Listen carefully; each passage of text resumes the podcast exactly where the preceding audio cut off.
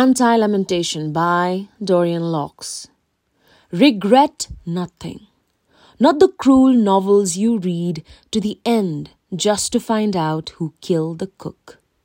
Not the insipid movies that made you cry in the dark, in spite of your intelligence, your sophistication.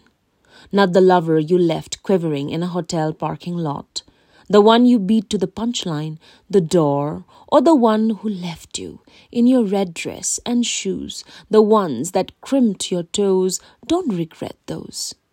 Not the nights you called God names and cursed your mother, sunk like a dog in the living room couch, chewing your nails and crushed by loneliness.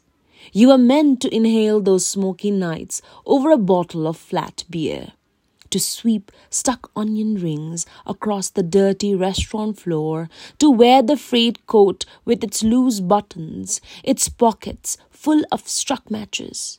You've walked those streets a thousand times, and still you end up here. Regret none of it.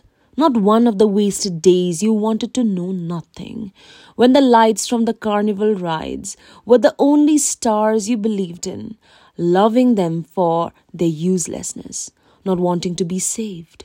You've traveled this far on the back of every mistake, ridden in dark eyed and morose, but calm as a house after the TV set has been pitched out the upstairs window. Harmless as a broken axe, emptied of expectation. Relax. Don't bother remembering any of it.